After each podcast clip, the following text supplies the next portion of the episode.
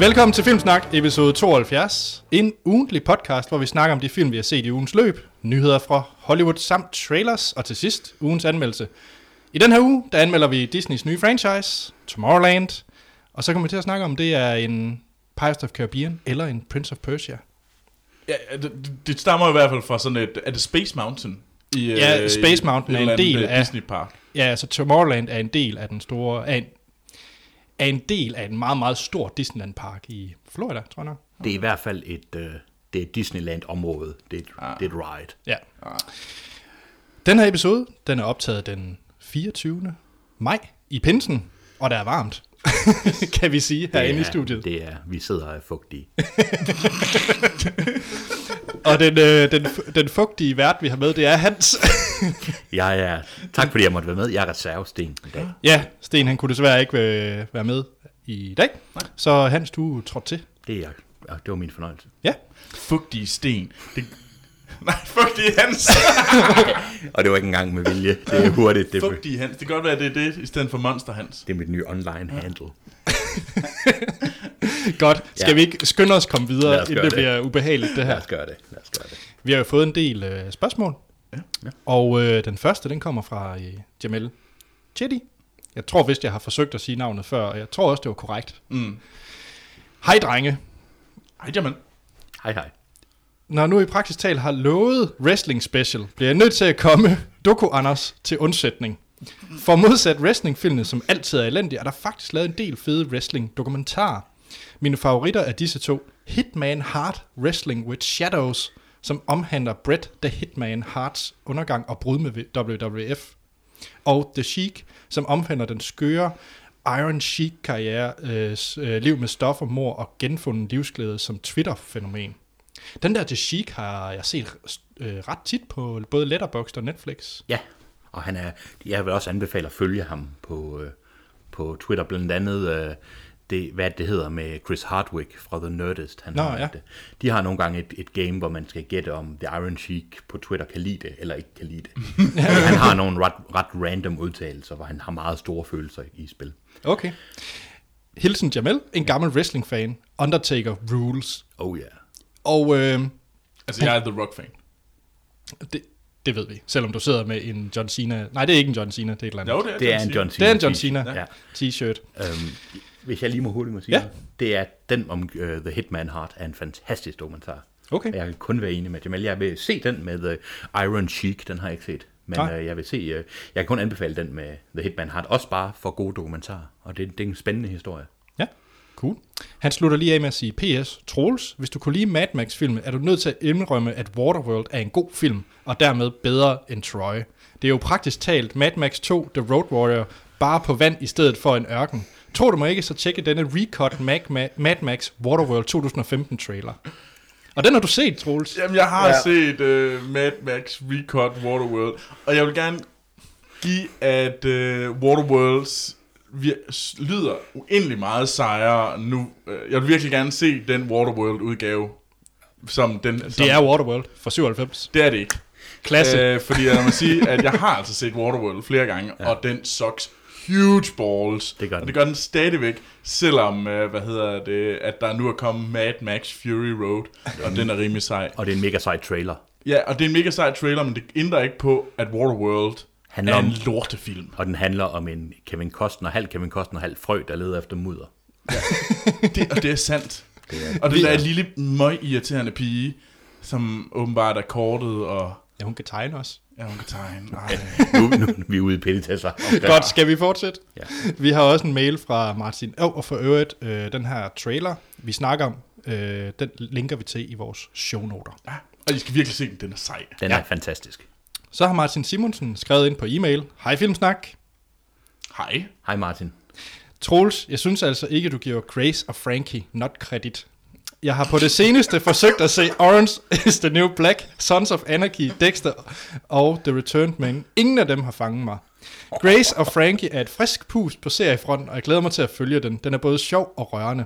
Så hermed får den min varmeste anbefalinger. P.S. Jeg er ikke 60 år, kun 38. Jeg drikker ikke alkohol og ser ikke Midsommer Murders. Jamen, jeg ved ikke rigtig, hvad jeg skal sige. Jamen, At jeg nød den jo også i sådan, sådan der ligesom her tømmermænd. Jeg tror, I skal have mig med. Grace og Frank. Det er en ny Netflix-serie, som nok ikke har ramt dig, fordi den er nok ikke til vores segment, tror jeg. Okay, hvad? Det er, hvad hedder det, med Jane Fonda og Lily Tomlin. okay nok, nok sagt. Ja, ja, og så er det virkelig, og så er det sådan, det er sådan to gamle damer, hvis mænd, de finder ud af, at de er bøsser, og nu skal vi de giftes, og så er det Er de det her en to. serie? Ja. Um, og det er en Olle Kolle-serie. Og Martin, Altså, jeg har fået lyst til at se den på Martins øh, Ikke anbefaling. Nej, jeg stoler mere på Martin, jeg stoler på dig. Nå, okay. Tak. Jeg kender ikke Martin, og jeg stoler allerede mere på ham end Troels. Hvordan stoler på mig. Godt. Så har Kasper sendt ind øh, et par mails. Vi starter lige i forhold til vores instruktør Ja. øh, snak, hvor han har sagt, at han har kun Scorsese som øh, favorit. Der er bare der er ni gange Scorsese. Det er Eller hård, ti øh. er der vel. Ja. Hård udmelding. Men så øh, nævner han også, hørte øh, på et par uger siden på en anden podcast, en leg, hvor de skulle gætte sig til de top 10 mest indtjenende film i år, øh, plus de her tre honorable mentions. Det kunne være sjovt, hvis I havde tænkt jer at forsøge med, med dette. Kasper, det vil vi gerne, men øh, på grund af tid, så tager vi, har vi kun taget en top 3. Mm. Så det vi nu vil, det er, at vi gætter, når sommeren, blockbusteren er over fra i år, det er cirka sådan september i, 1. september. Ja, der omkring. så øh, kommer vi med vores bud på de film, der har tjent mest i den sommer. Mm. Troels, hvad er din nummer et? Ej, jeg tror ikke, der er nogen tvivl om, at det bliver Avengers Age of Ultron, der løber med førstepladsen. Er du enig med det, Hans? Det er jeg faktisk. Det er jeg også. Så, Der er øh, ikke så meget rafler. så Avengers er vores nummer et for den, der tjener mest i år. I ja. sommeren. Ja. I, sommer, I sommertiden. Det er noget helt andet, hvis vi snakker hele år. Ja, ja. Øh, Men- men, men, øh, men ja. Troels, din nummer to. Jamen, jeg vil faktisk gerne lige vente. Og så vil jeg gerne have Hans først. Nå, Hans, hvad er din nummer to? Jeg tror, at jeg har siddet og meget byttet om på nummer to og nummer tre et par gange. Jeg tror, at det er Terminator Genesis. Terminator Genesis. Hold da op. Ja, Troels. Mit bud er, at øh, det bliver Jurassic World, der løber med andenpladsen. Øhm, Ja, det var- men den kunne godt ligge med min nummer 3'er. Den kunne godt, men det kommer lige an på, hvor, hvor, hvor tidligt den kommer ud. Fordi der er nogle uh, release schedules, der måske kunne ramme ind og høre den lidt i det her formål. Så det bliver Jurassic World, der kommer på andenpladsen. Ja, Den jeg ligger har, på 700, 700 millioner øh, Okay, det er når, til september. Det er mit wow, bud. det er et hår. Ja, okay. jeg har også Jurassic World som min toer. ja. Er, Han- det så, er det så nu, jeg skal sige, at jeg har Jurassic World som nummer tre? Fair nok. Og det kan godt være, at jeg har lavet min personlige, øh, charme, min personlige kærlighed til Terminator lavet dominere, men Ja. jeg tror, at der er en old school, fordi Arnold endelig er kommet tilbage. Ja. Mm. Jamen, øh, Din træer. min træer, det er Inside Out for Pixar. Yikes. Hold da op. Okay, det, er var nyskabende. Fordi den, øh, den har fået meget, meget, meget, meget gode kommentarer med fra Cannes, hvor den blev vist. Øh, og øh, hvor de virkelig siger, at Pixar vender tilbage til, nu, nu har de fundet deres mojo igen, og der er virkelig snak om, nu kan de måske finde også begynde at tjene rigtig mange penge igen. Så jeg tror det, men der er det jo lige det, hvornår bliver den released i andre lande. Jeg ved for eksempel, i Danmark kommer den jo først i slutningen. Der kommer den 27. august, så når kun et to-tre dage i Danmark. Så skal den godt nok tjene mange penge på Det skal den, men jeg ved jo, at de andre, de har lagt mellem 700 og øh, 1,1 milliard dollars. Ja. Øh, og så er der selvfølgelig Minions, og det er nok, den kommer også ind, og den kan også tjene op, øh, den tror jeg også kommer op over de 700. Jeg havde men det lyst er bare til længere time frame. Jeg havde lyst til at sige Minions, ja. men jeg synes, jeg... Jeg tror, Minions tjener mere end Inside Out, det vil jeg sige. Det tror jeg ikke. Ik- ikke, hvis, ikke hvis det er sandt, at øh, det der bliver sagt om den. Nej, men Minions kommer fra en ret kendt og ret velsælgende franchise, Jamen, Hvor øh, folk det er faktisk Pixar. kun gik op i Minions. hvor folk kun gik op i Minions. Jamen, jeg, jamen jeg, jeg, egentlig, jeg kan godt se, hvad, hvad I siger, men jeg tror, det bliver Inside f- fordi at det er Pixar. Ja. Og Pixar har tjent allerflest penge, når de har været allermest, øh, hvad hedder det, innovative og, og interessante. Må jeg komme med min træer?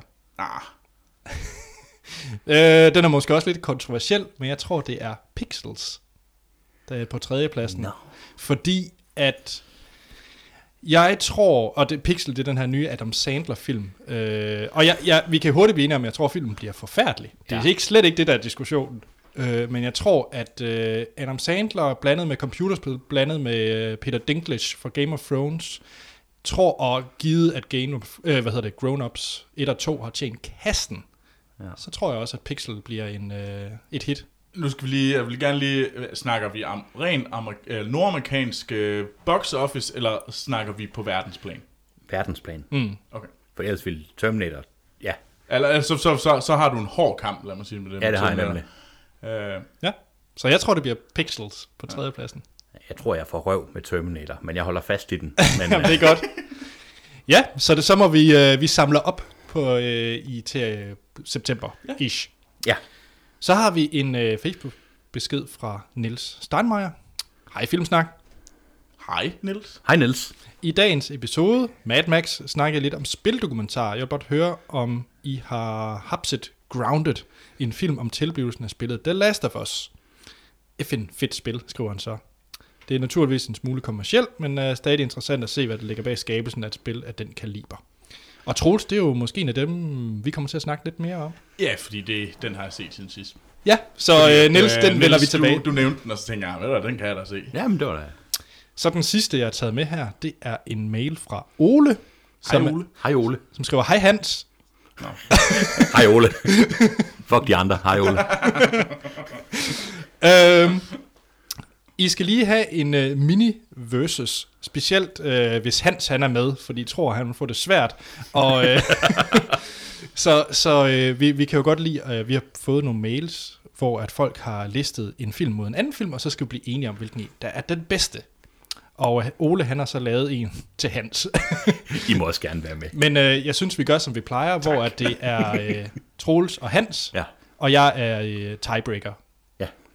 Så den første sammenligning, det er Saving Private Ryan mod Platoon.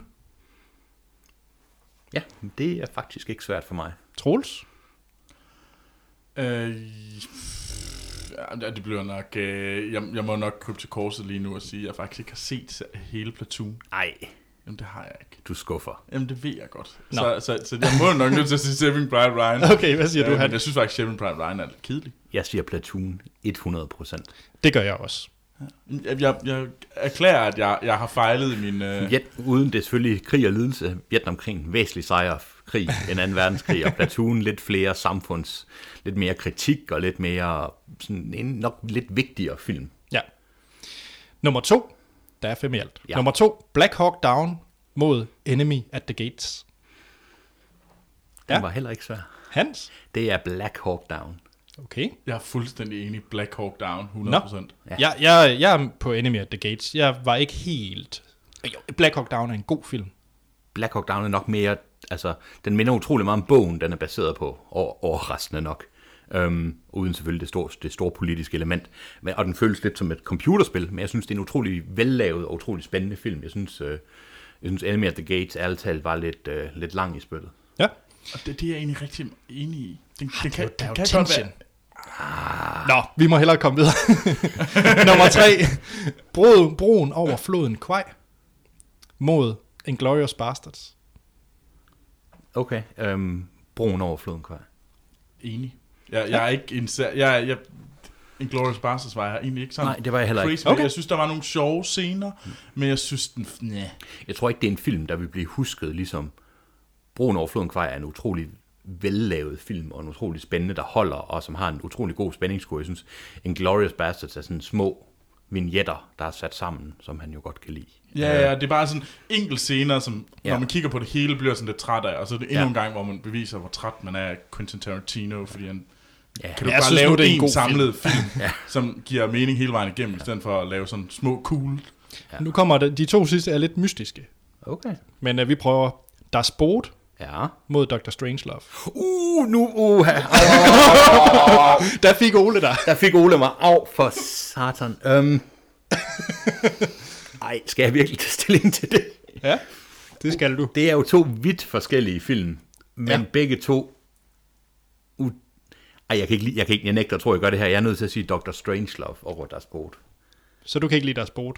Troels, Du hader simpelthen der Nej, nej, nej, nej. Ej, dårlig menneske. hvad siger du, Jeg Troels? siger også, der, der er strange love. Ja. nej. Jeg synes ellers... Ej, hvis I også siger det, så er jeg næsten nødt til at nej, nej, nej. Sæt det sæt. Ja, ja. Ej, ja. Okay, den næste tror jeg ikke er svær, men jeg synes stadigvæk, den er sjov. Det er 300 mod Lawrence of Arabia. det er forresten et mashup, jeg som film vil købe billet til lige på stedet. Altså, jeg tror måske, der, der vil jeg gerne... Øh, Du lægger ud. Jeg så øh, Lawrence of Arabia, ja. Og jeg tror, jeg faldt i søvn midtvejs. Ja. Og så prøvede jeg at se den igen, og jeg kom igennem den. Ja. Og jo, slutningen er bedre. Fuck, jeg synes, den er lang.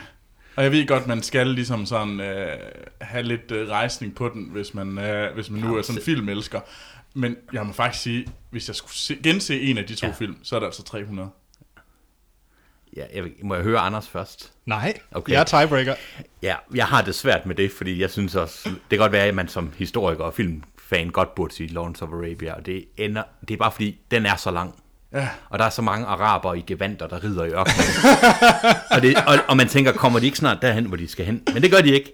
Hvorimod 300, der er sådan en masse svedige, olierede Og det skal jo siges, at tre, wrestlere, Ja. der i, og det er en virkelig dårlig film. Jeg tror, jeg vil hellere, jeg vil hellere falde i søvn, end jeg vil vemmes, så jeg tror, jeg tager Lawrence of Arabia. Nå, jeg, jeg, vil, på, jeg vil påstå, at øh, altså, 300 The Drinking Game går ind og gør, at 300 faktisk bliver en vældig, vældig sjov film at se. Hvad man skal drikke hver en.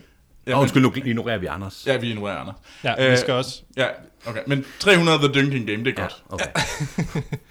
Og øh, ja, så er det mig, der skal vælge. Har du set uh, Lawrence of Arabia? Ja, ja. Faldt du i søvn? Nej, Var nej, du tæt på at falde i søvn? nej, jeg, jeg tror, jeg så det kl. 10 der- om formiddagen. Altså. Åh, oh, Gud. Så Øhm. du, du kunne jo ikke falde i søvn. Jeg tror, jeg må sige Lawrence of Arabia. Ja, tak. fordi jeg kan faktisk ikke rigtig lide 300. Nej, Igen, 300 The Drinking Game. men det er Ja. ikke det, konkurrencen It er. perfect. Det er filmen mod filmen, det er Ja. ikke... Og hvem man kan blive mest fuld til. Ja. jeg er sikker på, at du også kan lave et godt drinking game ud af Lawrence of Arabia. Hver gang man ser sand. Blev man stiv i løbet af et kvarter. Um, Nå, det var, det var det for Ole. tusind tak for listen. tusind tak, Ole. Ja. Og tusind tak for jer andre, der har sendt ind. Jeg vil rigtig gerne have flere spørgsmål og kommentarer. Mm. Det kan I gøre ved at sende til os på vores øh, Facebook eller Twitter mm. under Filmsnak. I kan også sende en e-mail til podcast I må rigtig gerne gå ind og give os en anmeldelse på iTunes, så vi kan få endnu flere lyttere. Det var rigtig fedt. ja. Og så kan I hoppe ind på vores hjemmeside filmsnak.dk, hvilket jeg for anden eller tredje gang vil gerne love snart bliver opdateret. det er det farlige Og det er jo også der, vi, vi håber på at kunne lægge nogle af alle de her verses ind. Ja, det kunne være Så, sjovt. vi, så det er ikke kun er os, der kan få lov til at lave den, men det er alle jer derude. Yes. Øh, og hvis der er nogen, der sidder og gemmer på en, en versus-liste til os, så kast den efter os. Send meget gerne. endelig ind, det er sjovt. Ja. Skal vi til set siden sidst? Og det skal vi da. Ja. Hans, vil du ikke lægge ud? Jo. Jamen, øh, jeg tror faktisk, jeg vil starte med at sige, at... Øh, ja, nu hvilken en jeg skal vælge, for jeg ved jo også lidt, hvad Troels har set siden mm. sidst. Så jeg tror, jeg vil sige, at jeg har set øh, de tre øh, Mad Max-film, de tre oprindelige Mad Max-film. Så du er gået all in på Mad Max. Jeg er gået all in på Mad Max. Ja. Gjorde du det før eller efter, du var inde og se den nye? Jeg så, jeg kunne huske træeren rigtig, rigtig godt. Mm. Det er ikke så lang tid, jeg har set den. Thunderdome. Thunderdome, men jeg havde virkelig glemt et og to, og jeg følte, at det burde jeg. Så dem så jeg ikke for ikke så lang tid siden. Mm. Hvordan er etteren og toeren at se nu? Og treeren for den sags skyld. Jeg synes, øh, jeg synes, det er sjovt. Altså, jeg synes, man, det giver... Der er en stor, tæt forbindelse mellem de tre film, og så den nye Mad Max Fury Road. Ikke? Udover selvfølgelig, at skuespilleren, der spiller øh, øh, Immortan Joe, spiller The Toe Cutter, skurken i den første film. Det er, Nå, den det er samme, rigtigt. det er den samme skuespiller.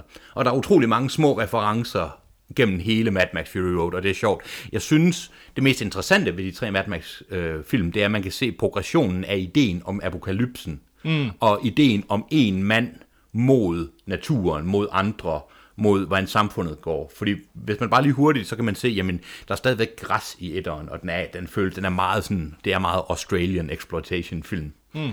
Hvorimod, når vi kommer træerne, så er, vi, så er vi lige pludselig ude i ørkenen, og håret er blevet langt, og ting er altså i, i dårlig stand. Mm. Og øh, så er det sådan en rigtig apokalypse, som vi kender den, hvorimod 1 og 2 er mere en, en, det er en vej hen mod det. Og der er nogen, der har lavet analyser om, hvordan hver skurk i de her film, også inklusiv øh, Fury Road, repræsenterer et forskelligt element af, af samfundets øh, forfald.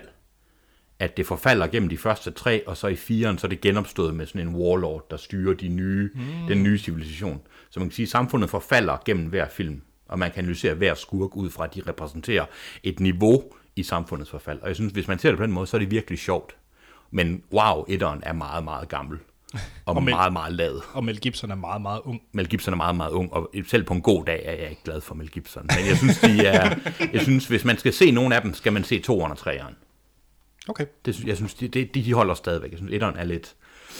Ja, Den, Han den har- er ikke aged. Han har, det synes jeg ikke, den er ikke aged godt, og det er toeren faktisk heller ikke, men det er en interessant film, på trods af 80'er til, øh, sådan lugten, der er over den. Ew, smells of 80s. Start 80'er lugten. Ja, så øh, jeg vil faktisk, hvis man, hvis man godt kunne lide Fury Road, så synes jeg, man skylder sig selv at se de tre film, for hvis ikke andet for at se, hvad det er, der har ført til. Det er jo samme instruktør og samme mm. manuskriptforfatter, så det har ført, hvad der har ført til. ja. Og så kan man også lige se Happy Feet, hvis man lige vil se, hvad manden ellers har lavet. Babe, den kick i. Ja, Ja, okay, så han dækker bredt. Mel Gibson er, man- nu skal jeg godt passe på, hvad jeg siger, men jeg tror ikke, Mel Gibson var med i Happy Feet. nej, det... Er der, er der ikke? Jeg tror, jeg tror, der er en nederen pingvin med i Happy Feet, faktisk. Er der en, hvis der er en pingvin, der ikke kan lide jøder, så er det Mel Gibson. en, religi- en religiøs øh, pingvin, der ikke kan lide jøder. That's Mel Gibson. Det er Mel Gibson, ja. Ja. Okay. Ja. Nå, ja, jamen, øh, det, det er egentlig meget godt, øh, fordi så kan du lige, så segwayer lige over til Ja. mig, fordi at, øh, Har du set Mad Max, Troels?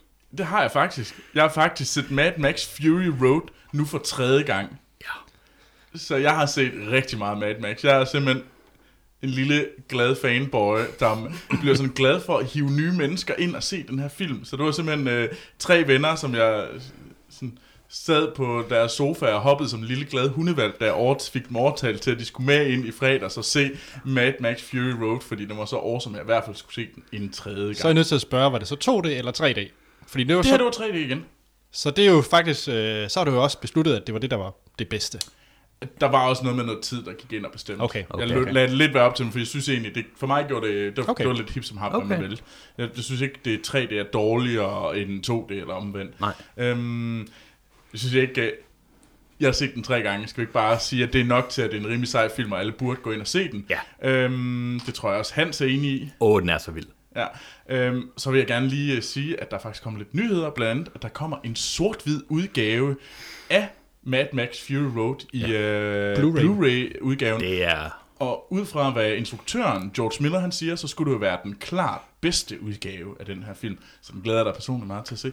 Og så er der kommet titel på efterfølgeren, som hedder Mad Max Wasteland. Ja, det lyder godt.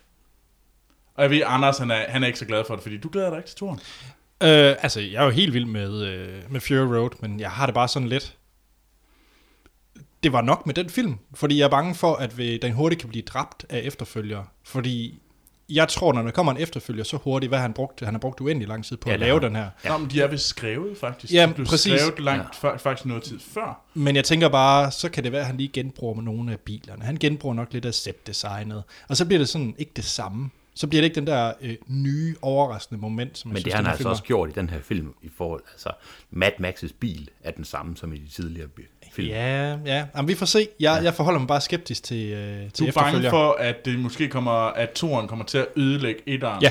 Du er bange for, at der sker en, øh, en Matrix. En Matrix på mig, ja. Ja. Jeg køber argumentet, men det eneste, jeg hører, det er, hej, jeg hedder Anders, jeg kan ikke lide sjov.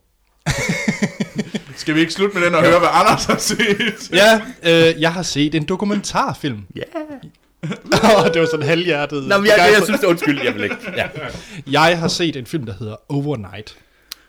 Jeg vil starte med at spørge, har I set The Boondock Saints? ja. Ja. Kunne I lide Boondock Saints? Ja. Men nu skal etteren eller toeren. Etteren. Jeg har Ja. aldrig set toren. Det er godt. Ja. Overnight handler om øh, instruktøren Troy Duffy, som har instrueret og skrevet The Boondock Saints. Han var bartender og øh, skrev Boondock Saints og blev så opdaget. Så han er sådan en, der er kommet fra intet, og han er sådan rigtig... Han er altså lidt en redneck, spredebasse idiot for at sige Han er lidt en røv, og han er, Han er det. en total røv. Ja, det har jeg også syntes. Og, øh, og det handler så om, at øh, man følger ham faktisk, fordi hans venner valgte at filme, øh, da han prøvede at lave The Boondock Saints. Eller, det lykkedes jo så, den er jo lavet. Mm. Men han er en meget usympatisk person. Han, øh, men det er sjovt at følge det her med. Han har fået alle muligheder. Alt stod åben bog. Han fik en, øh, en aftale med Harvey Weinstein Stein fra Weinstein Company, der producerer alt i Hollywood. Ah, Eller meget. ma- mange Oscar-filmene. Ja. Ja. Så Harvey Weinstein, han er sådan en, der er ret god at have en... Øh, men, øh, og han kunne få stort set alle skuespillere, han kunne tænke sig på det tidspunkt. Han er bare lidt en idiot, ham her, Troy Duffy, så det endte med at komme i bad standing med øh, Harvey Weinstein. Og det ser man så i film, hvordan at Harvey Weinstein bare lukker ham ned i Hollywood. Han. Okay. kan ikke få de skuespillere længere, han mister hans budgetter, og så øh, den Boondock-scene, siger nu, er sådan lidt en lappeløsning øh, af, hvad det skulle have været. Og efter at have set den her dokumentar, så synes jeg, øh, har jeg ikke noget godt at sige om Boondock Saints, fordi det, han er en idiot, Troy Duffy. Han fik alle muligheder i Hollywood, og han drak og sked det hele op ved at være et asshole. Dækker den også udviklingen af film 2, så? Eller er det... Øh, meget, meget kort, fordi at han, øh, han, han mister jo alt efter den her. Han render jo rundt og prøver at sælge merchandise på Boondock Saints. Han render rundt med en cap, hvor der står Boondock Saints på overalt. Okay. Og han står og siger, se mig, jeg har skrevet den her, jeg er den nye rising star i, i Hollywood. Se mig, se mig. Og så tanker det totalt for ham. Faktisk er det jo egentlig også et meget uschammerende plot i Boondock Saints. Ja. Altså, hvis man egentlig skal gå derhen. Men ja, så, øh, så Troy Duffy, han har lavet Boondock Saints 1 og 2. Det er det, der er blevet til hans karriere. Fedt. Og Det. Altså, etteren var jo god, ja, synes jeg. Den var også meget fed. Jamen, jeg kan ikke lide det længere. Men er, er det, nu, nu skal, var det Indie Game The Movie. Er det lidt ligesom ham, der lavede Fizz? ja, Han, han er ligesom han, han er et større røv, røvhul. Han er en større røvhul end ham, der lavede Fizz. Ja. Computerspil Fizz. Så, øh, men jeg synes, det var en utrolig morsom dokumentar at se, og det var et meget, meget sjovt indblik i Hollywood. hvad, Øh, hvad, hedder, hvad hedder den igen? øh, overnight. Overnight. Og selvfølgelig titlen, det er det her med, at overnight, En så kan star. han blive en star, men overnight kan han også bare blive en, Lukket ned. ja, lukket ned i Hollywood. Ja. Så rigtig spændende film fra 2003. Ja. Ja, Hans? Ja, øhm, jeg ved ikke helt. Altså jeg vil jo sige, med hensyn til, jeg vil lige introducere det, jeg har set. Og jeg vil lige prøve at forklare mig selv lidt først. Jeg vil lige, jeg vil bare, dig Pony. selv lige nu. jeg vil bare lige sige Nicolas Cage. Ja, der er gode film i blandt. Nicolas Cages nyere produktion er lidt ligesom, jeg vil sige, det er lidt ligesom sådan en, et reservoir af poo. Der er også uh, Kick-Ass, er der jo iblandt. Det er rigtigt. Det er rigtigt, men der føler man Der, mere, er, det, der, der er en flyder. Der- Der, der er noget, der flyder. der er en flyder blandt de fleste faldt var. Ja, der, han havde ikke spist fiber til mange af de andre i hvert fald. Nicolas Cage har åbenbart en masse regninger, han skulle betale. Tror jeg. Jeg ved det ikke. Men han har jo været med i nogle værre stinker af nogle film. Øh, og jeg er så en af dem, der faktisk nyder Nicolas Cages dårligere film. For eksempel Knowing, som jo... Uh, det er den der tids, øh, tid, hvor Ja, han, den hvor han ved i fremtiden. Ja, den kan jeg godt lide. Hvad med The Weatherman? Den kan jeg ikke lide. Nej, Nej. den der ikke der kan lide. Den er der ingen, der kan lide. Jeg tror ikke engang, Nicolas Cage selv kan lide den. Øh, nå, men jeg vil sige, det jeg har set, det er, at jeg har set Frozen Ground fra 2013. Det var muligt også den mest generiske titel nogensinde. Ja, det, det er den. Den er faktisk den, ja, og forsiden ligner alle andre Nicolas Cage-film fra den Ja. periode. Øh, han spiller en politibetjent i Alaska, og hvor han spiller over for John Cusack, der spiller en masse morder. Altså, når John Cusack, Cusack er med, så ved vi også, at det bliver kvalitet. Nu synes jeg, nu skal du ikke badmouth af John Cusack. Hvad har han egentlig lavet? i- 2012, og uh, det er en brandgod film. The Raven. Brandgod film. Nå, nå, nå, nå, jeg synes uh, lige Hvad har, pludselig... hvad har han lavet? Han lavede den der film med det der pladebutik der. Hvad? High Fidelity. High Fidelity. Ej, ja, ved du hvad, der fik du... Hvad så? Skal du have noget mere østrogen, eller hvad? Nå, nå, nå, nå. nå, nå, men jeg vil lige snakke videre. Mens Troel sidder og laver Don't Go There Girlfriend fingre af mig. Um, Nå, jeg prøver at snakke videre. John Cusack spiller seriemorderen Robert Hansen, og Nicolas Cage spiller den politibetjent, der skal fange ham. Og jeg vil lige sige, det er en af de bedre film, som Nicolas Cage har lavet den her periode. Og den er sjov, hvis man kan lide sådan lidt true crime-agtigt øh, film, så kan man egentlig godt... Sådan NCIS-agtigt. Nej, jeg synes, jeg forventer lidt, forventer, jeg synes, jeg hører lidt hån. Den har 60% rating på Rotten Tomatoes, Nå. og øh, på Metacritic har den, øh, falder den under kategorien Generally Unfavorable Reviews, hvilket jeg vil sige for en Nicolas Cage-film, der er det ret gode anmeldelser. Ej, jeg skulle også sige, det er da, det er sådan... Det er Giv ham en Oscar. Det er, ja. 3,8 på Netflix, og ja. 8 ud af 10 på Amazon Prime. Men hvad rater Hans den? Hans, han synes faktisk, han rater den 4. Jeg, da jeg så den, nød jeg den utrolig meget. Okay. For jeg kan godt lide noget true crime. Jeg kan godt lide, Nicolas Cage, han har følelser med. Men er der noget edge ved den her film? Kan den noget ud over at være NCIS med Nic- Nicolas Cage? Jeg synes, den er spændende, og jeg synes... Øh, nu synes ved du hvad? Jeg synes, jeg, siger, jeg kritiserer heller ikke alt det lort, I siger, ser, men det gør jeg. Jeg prøver bare at forstå, jeg, hvad... jeg bliver definitivt, jeg synes, den er spændende, fordi, fordi jamen, han er en masse morder, han gør ubehagelige ting ved kvinder, han tager dem ud i skoven, og så skyder han dem med burpil. Nicolas Cage? Ikke Nicolas Cage. Øh, hvad er det, han hedder? John Cusack. Nå, okay. Og så øh, Nicolas Cage, han... Jamen, jeg, jeg nød den film. Okay. Og jeg, Skal- skal- no, has, hashtag no regrets. Det var det nu. Hashtag no regrets. Det er bare virkelig, Ja. når vi har set den, noget skidt. Jeg synes, jeg blev skudt ned, men hvis man har, hvis man godt kan lide lidt, og, hvis man godt kan lide lidt smerte, så skal man se dårlige Nicolas Cage film, og det her det er faktisk en af de bedre dårlige Nicolas Cage film. Sådan. Tjek. Jeg har jo øh, jeg har lyttet på Niels Steinmeier. For han sendte jo ind Skal det siges så tysk? Er det ikke Steinmeier? Jo, men han hedder vel bare Niels Steinmeier. Han hedder ikke Niels Stein- Steinmeier. Ja, undskyld, Niels. Han er, ikke, han er ikke en tysk panserdivision, vel? Øh, Hej Nils. Du har skrevet ind øh, på, hvad hedder det, på det der Facebook, og anbefalet, at vi skulle se en, øh, en filmen Grounded, The Making of The Last of Us. Og øh, The Last of Us, det er et øh, computerspil, som øh, jeg i hvert fald er rigtig glad for. Og jeg ved, Anders, øh, du er også glad for den. Ja, ja, ja. Det, det kom som en remaster til PlayStation 4, og der havde jeg lige gennemført det på PlayStation 3, men jeg kunne da lige tage det igen, Det findes desværre kun til Playstation. Ja. Og det er lidt noget lort. for det er et godt spil. Jeg er en Xbox-fan. Altså, det skal jo sige, at jeg, jeg lånte faktisk et hus og Anders' spil for at spille det alene. Og du lånte vel også en Xbox? Eller undskyld, nej, nej, en fordi i Playstation? huset, i huset var der en Playstation 3. Ah, Ja. Så Men Hans, det ene udelukker ikke det andet. Du kan godt både have en, være Xbox-fan og lige have en skabs PlayStation ja, men ja. Det. Jeg bruger alle mine penge på Nicolas Cage-film. og Lego. og Lego. Og Lego. øhm, men jeg har set den her film, den her dokumentar om, hvordan at, øh, den her computerspil blev lavet. Øhm, så ja, jeg har også set en dokumentar i den her uge. Uh. Det er sådan lidt noget nyt, hva'? Ja, hva? ja, der er nogen, der kan. Øhm, og det følger egentlig meget sådan, øh, sådan godt derud af, hvad der sker. Så f- kommer man lige forbi øh, skuespillerne og deres mocap-sessioner, og hvordan at de prøver at lave det, og så er de forbi lyddesignet, og de er også forbi animationerne og, og levels og sådan noget. De er jo meget sådan, øh, så man alle skridt derhen. Du sagde Mo, jeg tror du... M- mocap, det er motion capture. Det er forkortelsen. Så smart er jeg. Øh, ja.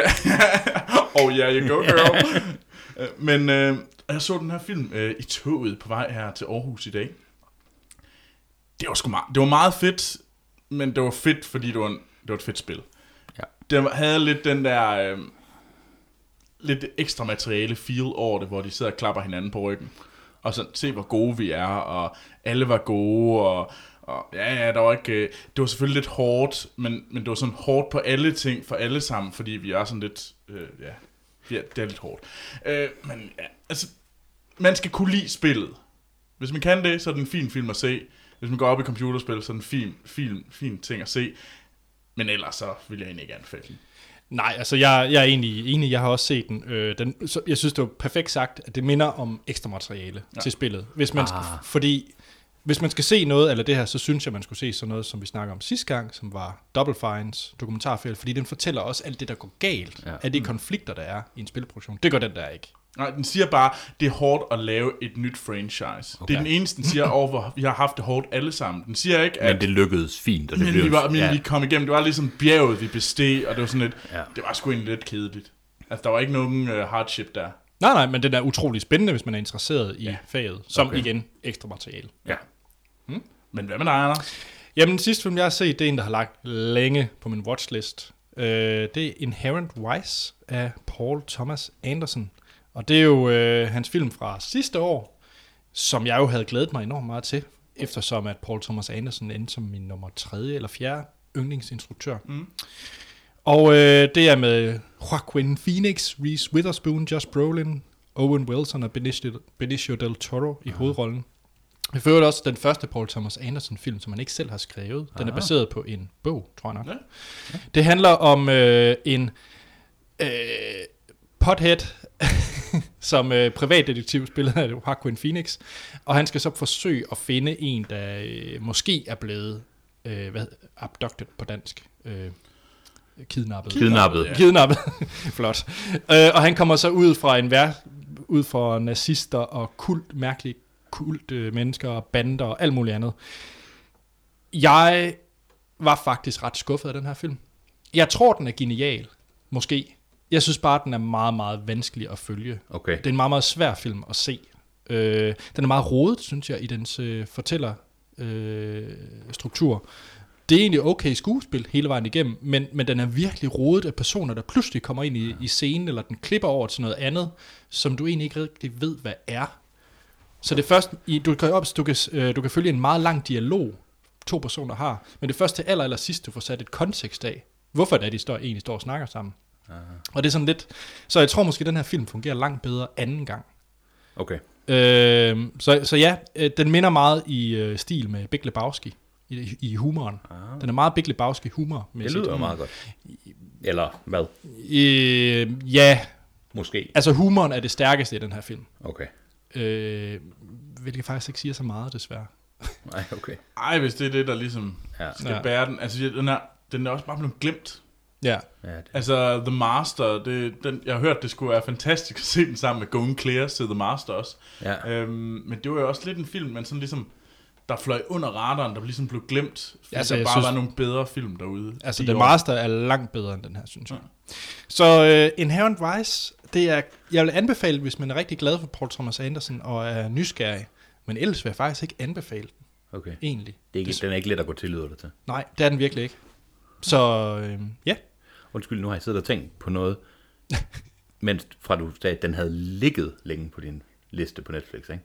ja. Den har ikke været lagt længe på din Netflix. Burn on you, Kommer der Anders. nu et uh, Candy Floss moment over til mig? Men du, du ved, undskyld, det var fordi, jeg mistede... Det var fordi, Hallo, Anders. Jeg, ligger lagt. Ja. Totally jeg different. blev lige i tvivl. Undskyld, nu ved jeg godt, jeg er total. Jeg sidder lige og knipper fluer herovre, men undskyld, jeg blev bare lige... Har du et virkelig grimt billede dig lige nu, hvordan du knipper alle fluerne? Mens uh, Hans han uh, knipper fluer, så synes jeg, vi skal gå til nyheder fra Hollywood med Troels Overgaard.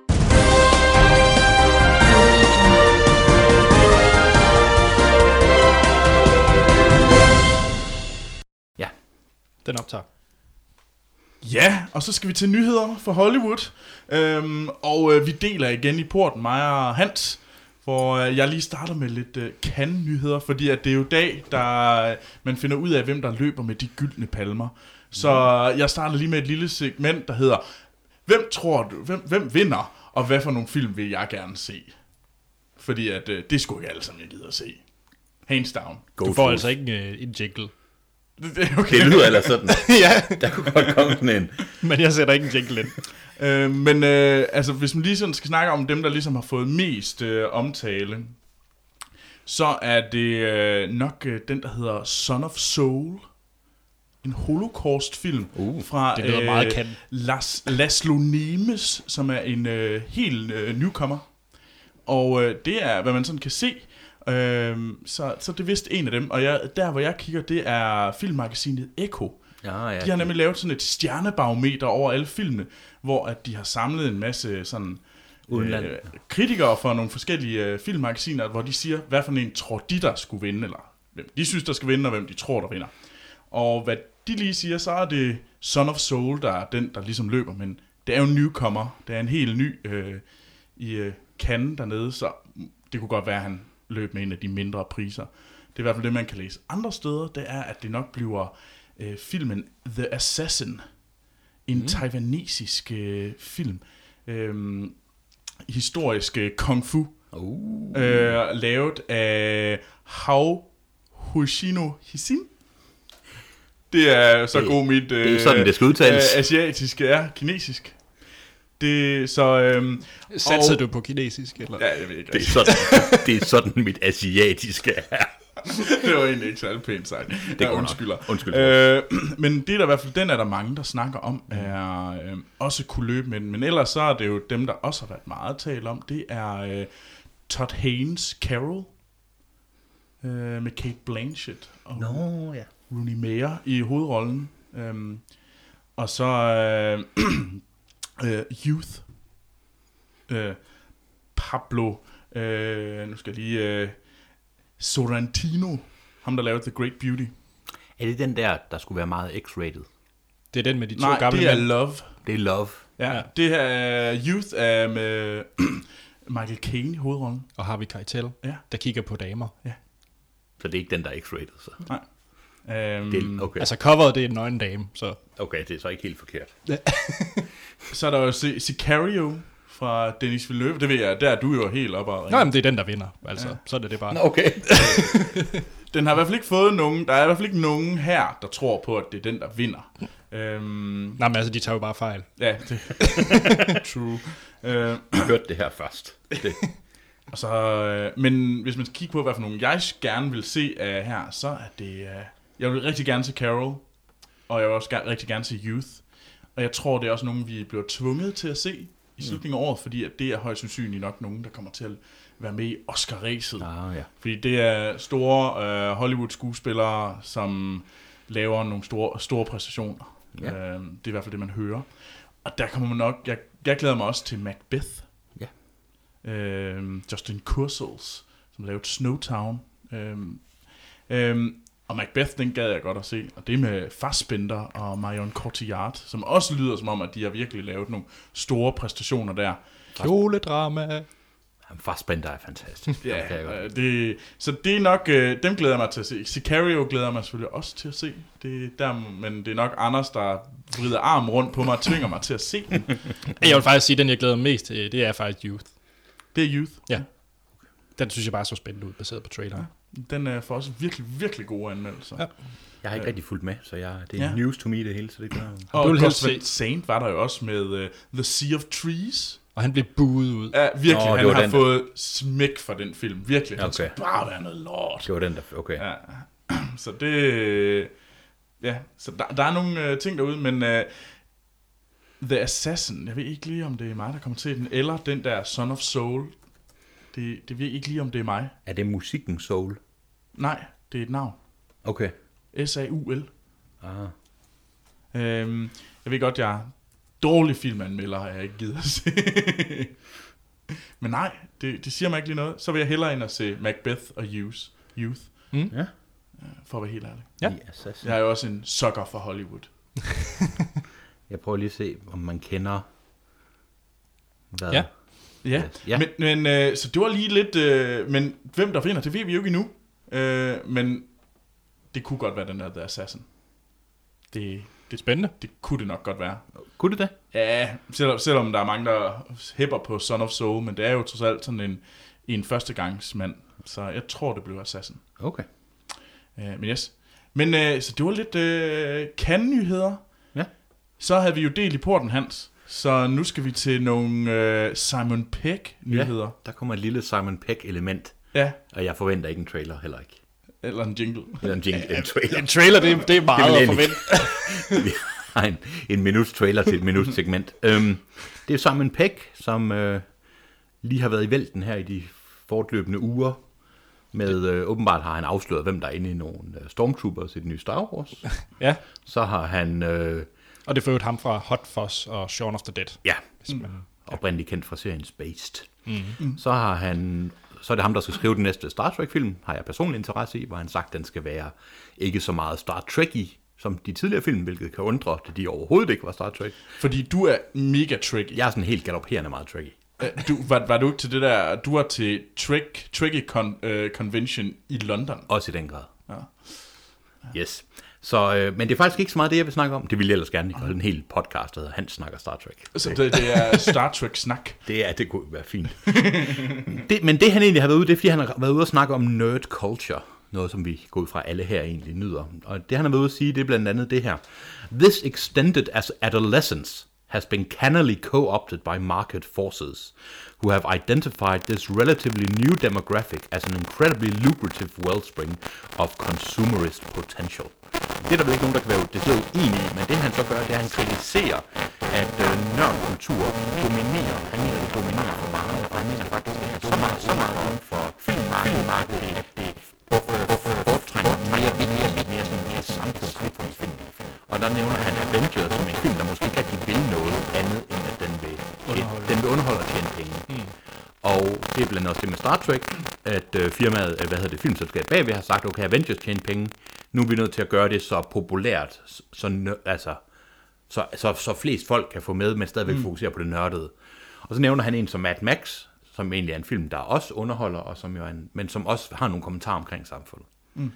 Og han mener, at det hele startede omkring Star Trek, eller undskyld, omkring Star Wars, at det var da, at nørdkultur blev noget, man kunne tjene penge på, i stedet for, at det var sådan en subkultur. Og jeg synes, han var meget negativ, og han har også været ude lidt mere og på hans hjemmeside og me- siger, at han mente det ikke så hårdt, og han stadigvæk selv han går ind for nørdkultur, men han mener, at det dominerer for meget. Øh, han mener, at det er sådan, at det er infantilt, det gør, holder publikummet infantilt. Og jeg er ikke, først, først blev jeg sådan ret indigneret, men jeg har lidt lyst til at give ham ret. At alt, hvad der er nørdet, bliver set som en pengemaskine. Og så mm. bliver det, der er nørdet, bliver nu gjort populært. Bare se zombie-genren, der før var ja. mega subkultur, nu er alting zombie. Ikke? Ja. Og selv Star Wars har selvfølgelig altid været stor, men det er som om alting nu er, hvis det på en eller anden måde er en, en nørdet subkultur, så bliver det hævet op, og det bliver noget, der bliver pumpet penge ud af. Så øh, jeg ved ikke, hvad I synes omkring det. Jamen, altså, det, det minder mig jo lidt om hele den her, nu skal alt være øh, universe. Ja, Altså, det skal være en helhedsoplevelse, som vi kan sælge på i alle, til alle grupper og kvadranter, og Matrix med hister her, og der er tal og data på det hele, fordi vi skal kunne, virkelig kunne sådan finmaske vores salg af, til de her øh, nørdkulturer på den helt rigtige måde. Ja. Vi skal virkelig sådan suge, have det helt store sugerør ind. Øh, Ja. Det er nærmest lidt ligesom øh, milkshake-scenen fra, hvad hedder det, There Will Be Blood. øh, der havde, den havde jeg ikke set komme. Men men, øh, men altså, jeg, så jeg kan egentlig godt se, at det er virkelig nu, øh, at det er virkelig ved at tage overhånd noget af det her, vi skal virkelig suge den her nørdkultur ren og sådan noget der. Men jeg synes også, det er fedt. Altså, det, det er også lidt svært. Jeg er jo totalt ambivalent. Jeg er jo glad for det også. jamen, det er jeg også selv. Altså jeg vil sige, øh, når jeg, da jeg kiggede på, jeg tror det var Niels Martin, der postede den her tidslinje med alle Marvel og DC-film, der kommer ind til 2020, 20, Ja. der følte jeg faktisk lidt, at ah, det kunne jeg måske godt undvære. Det, det, hele den her superhelte-genre, som virkelig bliver pumpet, øh, ja. det er sådan en karklud, der virkelig er ved at være vreden Det er tynd nu. Ja. Øh, og jeg er nervøs for, om... Øh, Jamen, karkluden knækker. Jeg ved ikke, det var en mærkelig analogi. Nej, det løber vel tør. Der er lidt juice tilbage Ja. ja. i den karklud. Ja, man vi, sige det? vi er ude nu i noget sygt, sygt analogi noget her, fordi Lige meget. Ja. Hvad hedder det? Øh, og, og kigge, altså, om vi holder til 2020 med alt det her superhelte mig der, superhelte mig der. Altså, det... Ja. Ja. Jeg føler, at... Jeg, jeg var gladere, da Iron Man kom. Ja. Som sådan et øh, frisk puser. Bam! Det var Ja. noget helt andet. superhelte nu. Ja, og så hele det her med, at de byggede op til Avengers, det var også fedt. Altså, det var fedt, den tankegang. Men nu, at de bliver ved med det, og bare pumper mere i det, og nu skal jeg også pludselig se en masse tv-serier, for at få det hele med, altså så føler jeg mig, at jeg bare ikke har tid nok. og det bliver for meget, ganske enkelt. Og jeg kan godt se, at den ligesom, at når de bliver så, så tidsrøvende, og så de fylder så meget, Ja. og de giver så meget content til en, at så skubber de nogle af dem, noget af det nye væk. De skubber nogle af de der film, som måske kunne være den næste øh, nye lille nørde kult, øh, ting, Ja. ja. der kunne komme frem, fordi at Alting Men- er en franchise, alting er et univers, og det- alting er en... Ja. det er simpelthen bare for, det er for voldsomt, og ting drukner. Ja. Øhm, I øh, hvem, hvem kan lave de største, mest, mest flimmer og mest øh, bling. Baseret på noget, der allerede har en nørdkulturel baggrund. Ja. og remake og så videre. Det, det er måske en, en større diskussion, men jeg synes, det var et interessant indlæg. Ja, i- absolut, absolut. Også fra en mand, der i hvert fald har hans, altså som har hans pedigree i orden med, at han kommer fra en, altså han er blevet kendt på nørdefilm, og han har, mm. altså, Ja. han har, Men jeg synes, det er fedt, at der egentlig kommer ind og siger sådan noget, selvom det måske kan være sådan lidt øh, polariserende. Ja. Det sgu egentlig meget fedt, at der engang imellem kommer nogen, der siger, at måske skulle vi også ja, fokusere på noget andet. fordi det er jo en, altså det er et fokusering på noget, der, for, der forholdsvis er jo en superhelt, det, er- det er jo en, bør, det er en barnlig ting, mm. og det er i hvert fald, det er ikke henvendt nødvendigvis til voksne mænd i 30'erne før, det er det i dag, Ja. men det var det måske ikke oprindeligt. Altså det, det jeg har det lidt svært med det. Jamen, jeg, jeg, Ja. jeg er også meget øh, tvivlende selv. Ja. Det måske være meget fedt, hvis der er nogen af vores lytter, der er enige, uenige, eller har et øh, indskud i den her lille debat, eller har lyst til at læse, øh, jamen så skriv til os, fortæl os, hvad I synes om det her. Ja. Læs øh, Simon Pecks indlæg. I kan finde øh, linket til den her artikel på i vores shownoter. Ja. Så skriv til os og fortæl os, hvad I synes. Ja. Mm-hmm. Men ja, skal vi ikke øh, til at snakke om nogle trailere? Jo, Lad os gøre det.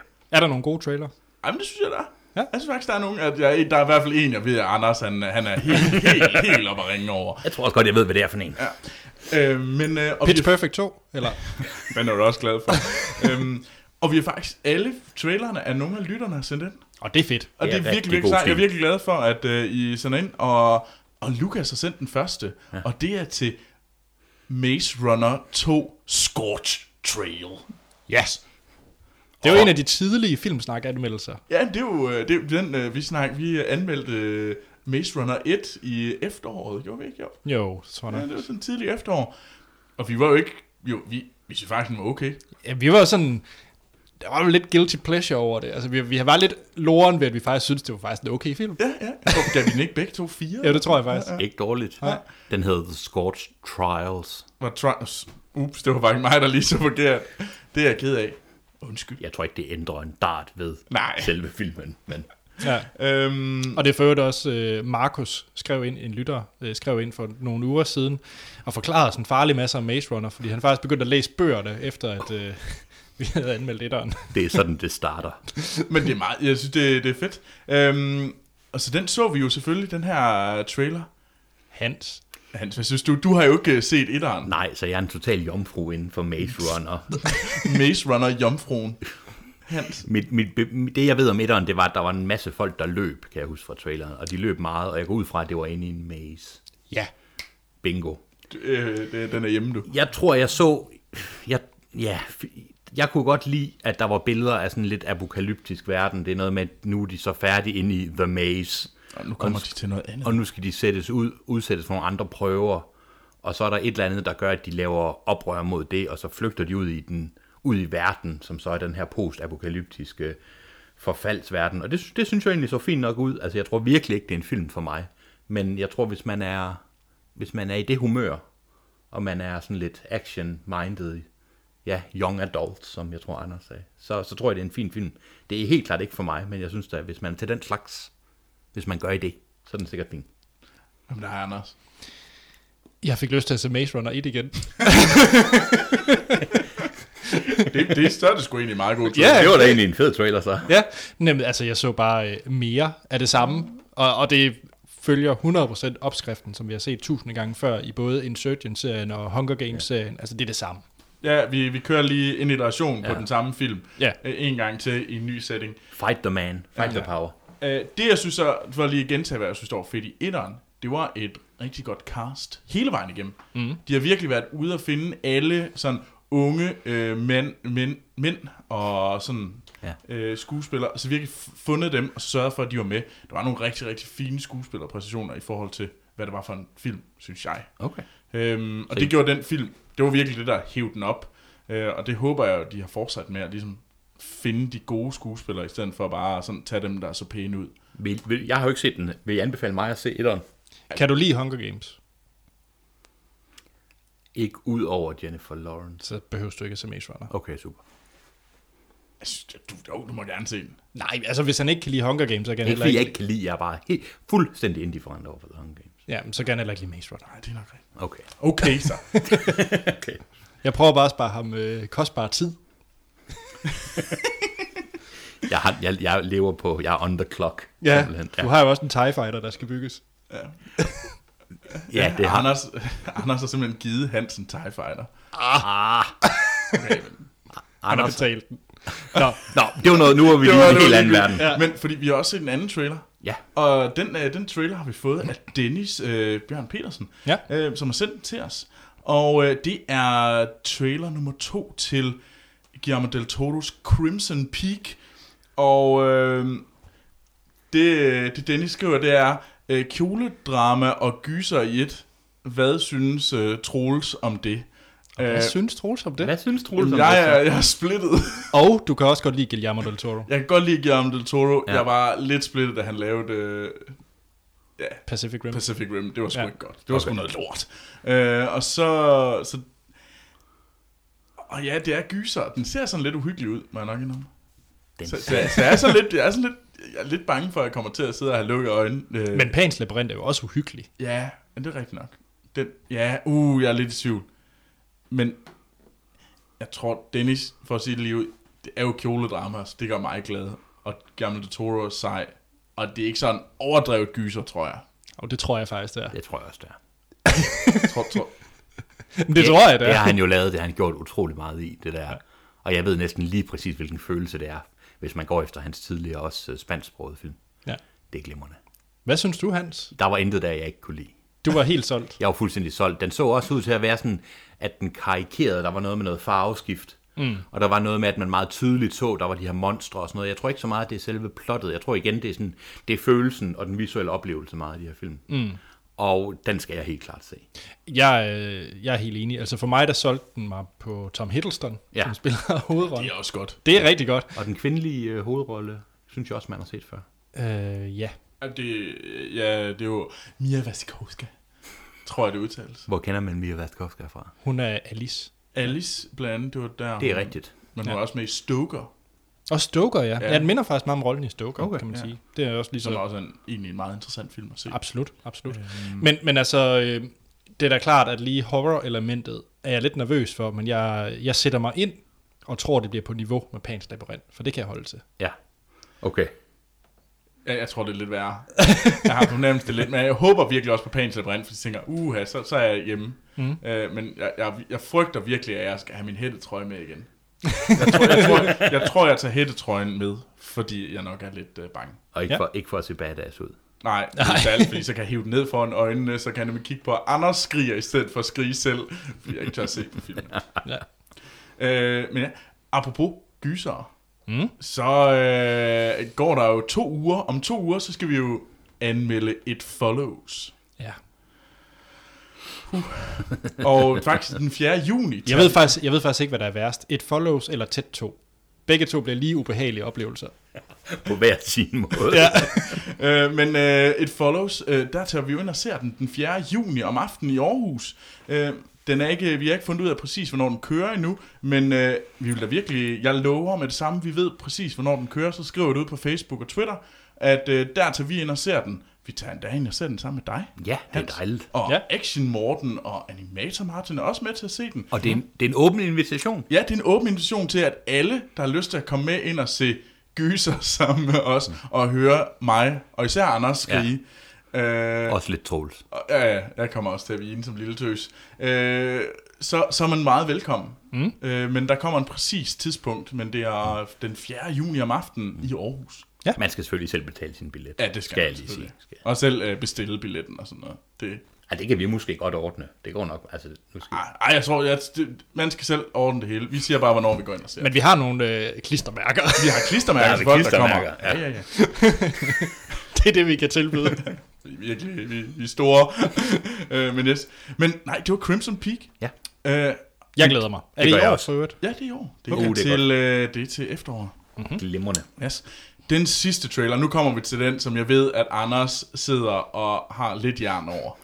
Øh, fordi at Anders, dybt inden, der er du jo en Mac-luder. Det er hårdt. Og, øh, og der er nemlig, Lukas har sendt endnu en trailer til os, og det var traileren til Steve Jobs. Ja. Anders, take it away. Kom så, fortæl os lidt, hvor glad du er. Hvor, glæ- hvor meget glæder du til den her film? Jamen, jeg, jeg glæder mig sindssygt meget. Hvad hedder det? Det er jo en kombination af Apple, Steve Jobs, instrueret af Danny Boyle, ja. Skrevet af Aaron Sorkin og øh, hovedrollen af Michael Fassbender. Det er faktisk det sidste, der generer mig en lille bitte, bitte smule. Hvorfor det? Fordi at øh, det tidlige cast, de var jo hoppet fra. Der havde først, og fra, først var det jo øh, Leo, Leonardo DiCaprio, Ja. som skulle have spillet Steve Jobs. Så hoppede han fra. Så var det, øh, hvad hedder det, Christian Bale, Ja. som skulle have spillet øh, Steve Jobs, og hoppede fra. Og så blev det så Michael Fassbender. Ja. Og jeg havde faktisk, ja, både øh, Leonardo og øh, Christian Bale, ser jeg måske lidt mere lige Steve Jobs ja. i, der, i mimik og udseende og den slags, end lige Michael Fassbender. Ja.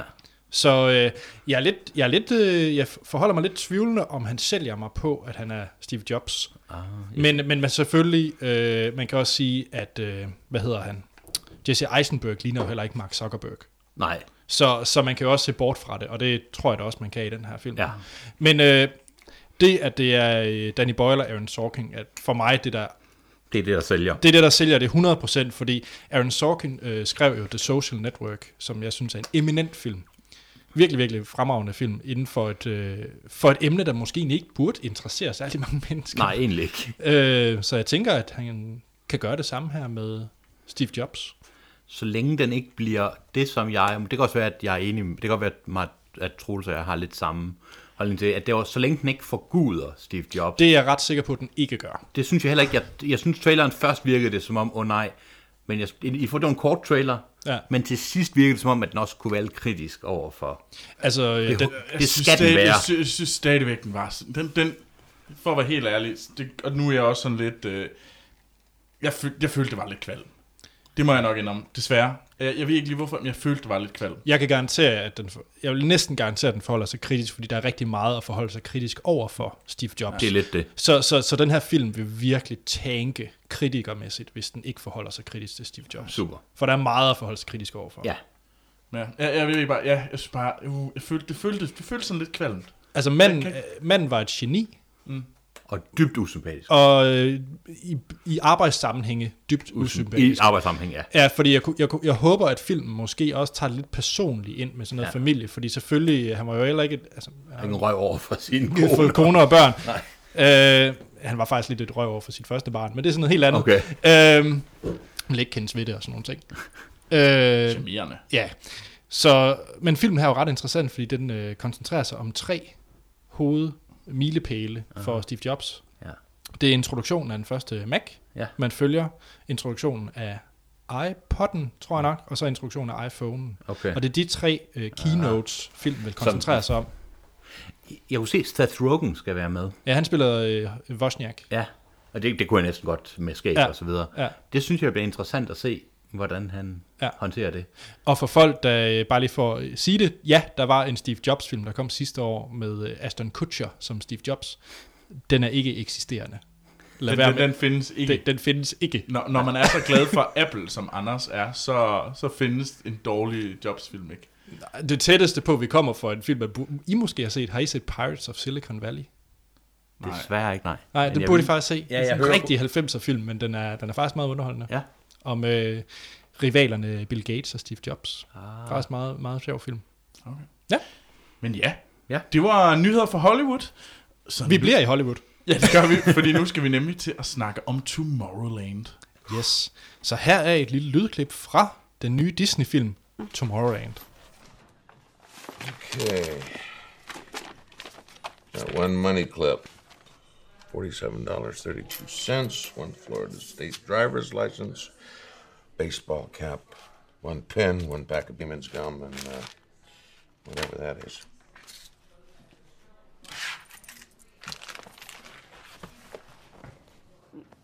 That's not mine. What's not yours? The pen. I've never.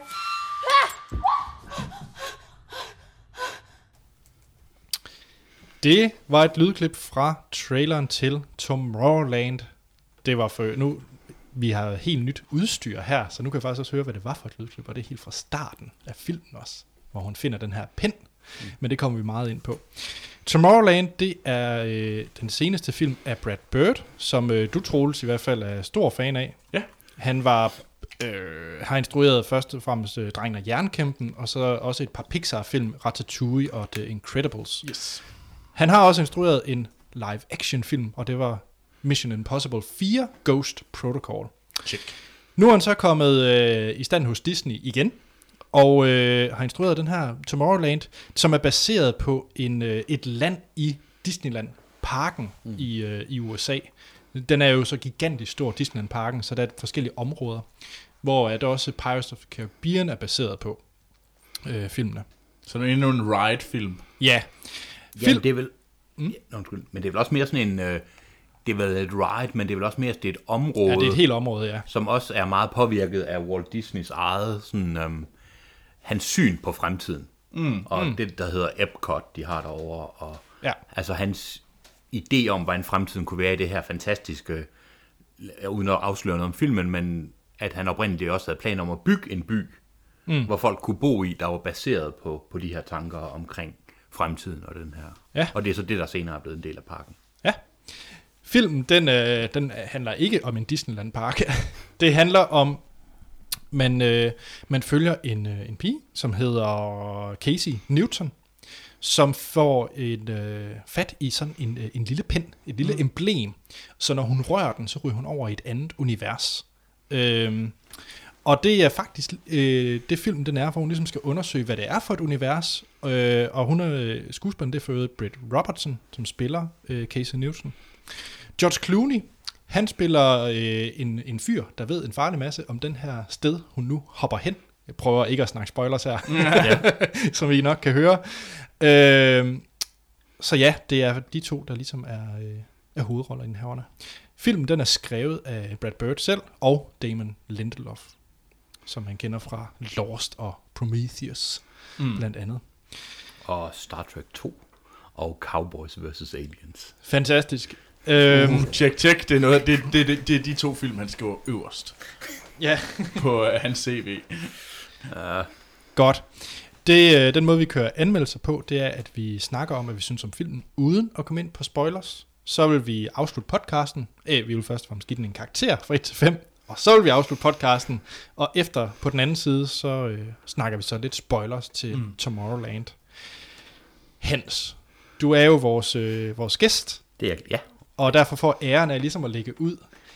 Jeg er faktisk lidt nysgerrig, fordi man kan sige, at der er jo mange lighedspunkter på det, Disney gør her i forhold til Pirates of Caribbean-serien, og, øh, ja. og egentlig også Prince of Persia for den sags skyld. Ja. Hvad synes du om de øh, sådan nogle film, der egentlig er baseret på theme parks? Altså i princippet er jeg sådan rent ideologisk er jeg imod det. Okay. så jeg er imod hele ideen om, at man tager noget, der er rent kommercielt, ja. som folk skal være på stedet for at se. Mm. Og så baserer man en film på absolut ingenting. Ja. Altså, det, det er jeg i princippet imod. Men, øh, men jeg synes, øh, jeg kan se, at Disney gør det jo fint. Altså, jeg synes jo, Pirates of the Caribbean i hvert fald, den første var en rigtig god film. Ja, den er lidt, lidt dårligere end toeren. Okay, det er en helt anden diskussion. men, men i hvert fald, øhm, jeg, jeg, har det, jeg har det, som jeg ofte siger, jeg har det svært fordi jeg synes jo ikke, at det skal, det skal jo ikke komme filmen i, altså det skal jo ikke øh, hive filmen ned, at den, øh, at den kommer fra, fra et ride. Øhm, jeg vil sige lige med den her.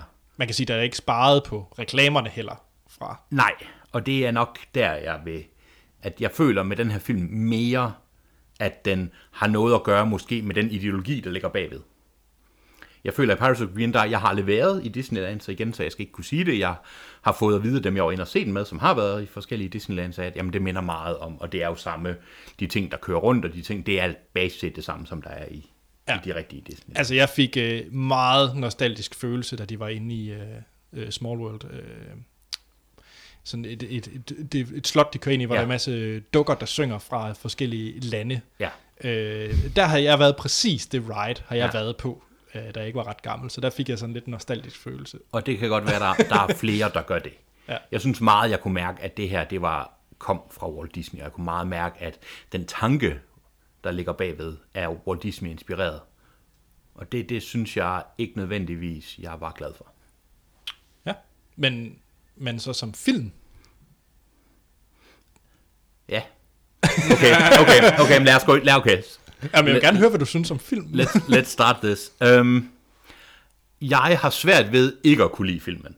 Fordi det var en film, der gjorde alt, hvad den kunne for at være så positiv og være så glad. Men jeg synes næsten, det gjorde det så meget, at det var som om, den holdt en pistol mod min tænding og sagde, vær så glad for fanden, for ellers så trykker, jeg på, menneske. så trykker jeg på aftrækkeren. Um, og så jeg, igen, jeg følte virkelig heller ikke, at jeg var den rigtige målgruppe. Men jeg skal jo anmelde den som, hvad jeg synes, den var som ja. en film. Og jeg synes, at det var et stort plothul. Og at, øh, hvad hedder det, grænsen, altså, hvad hedder det, kurven for sjov og kurven for dramatik, virkelig ikke passede sammen. Jeg synes, de første to tredjedele var jeg virkelig underholdt, og jeg morede mig, og jeg synes, den humor, der var, ja, den action, der var, jeg var glimrende, og det var lige på mit niveau. Og så den sidste tredjedel, der viser filmen, at den tager sig selv alt, alt, alt, alt for alvorligt. Og det er så... Det, det, det er mit, mit problem med den film. Ja. Troels, hvad synes du om uh, Tomorrowland? Og er, er du enig i Hans? Har du den samme uh, problematik i forhold til det her, det er baseret på noget dybt kommercielt? På et ride?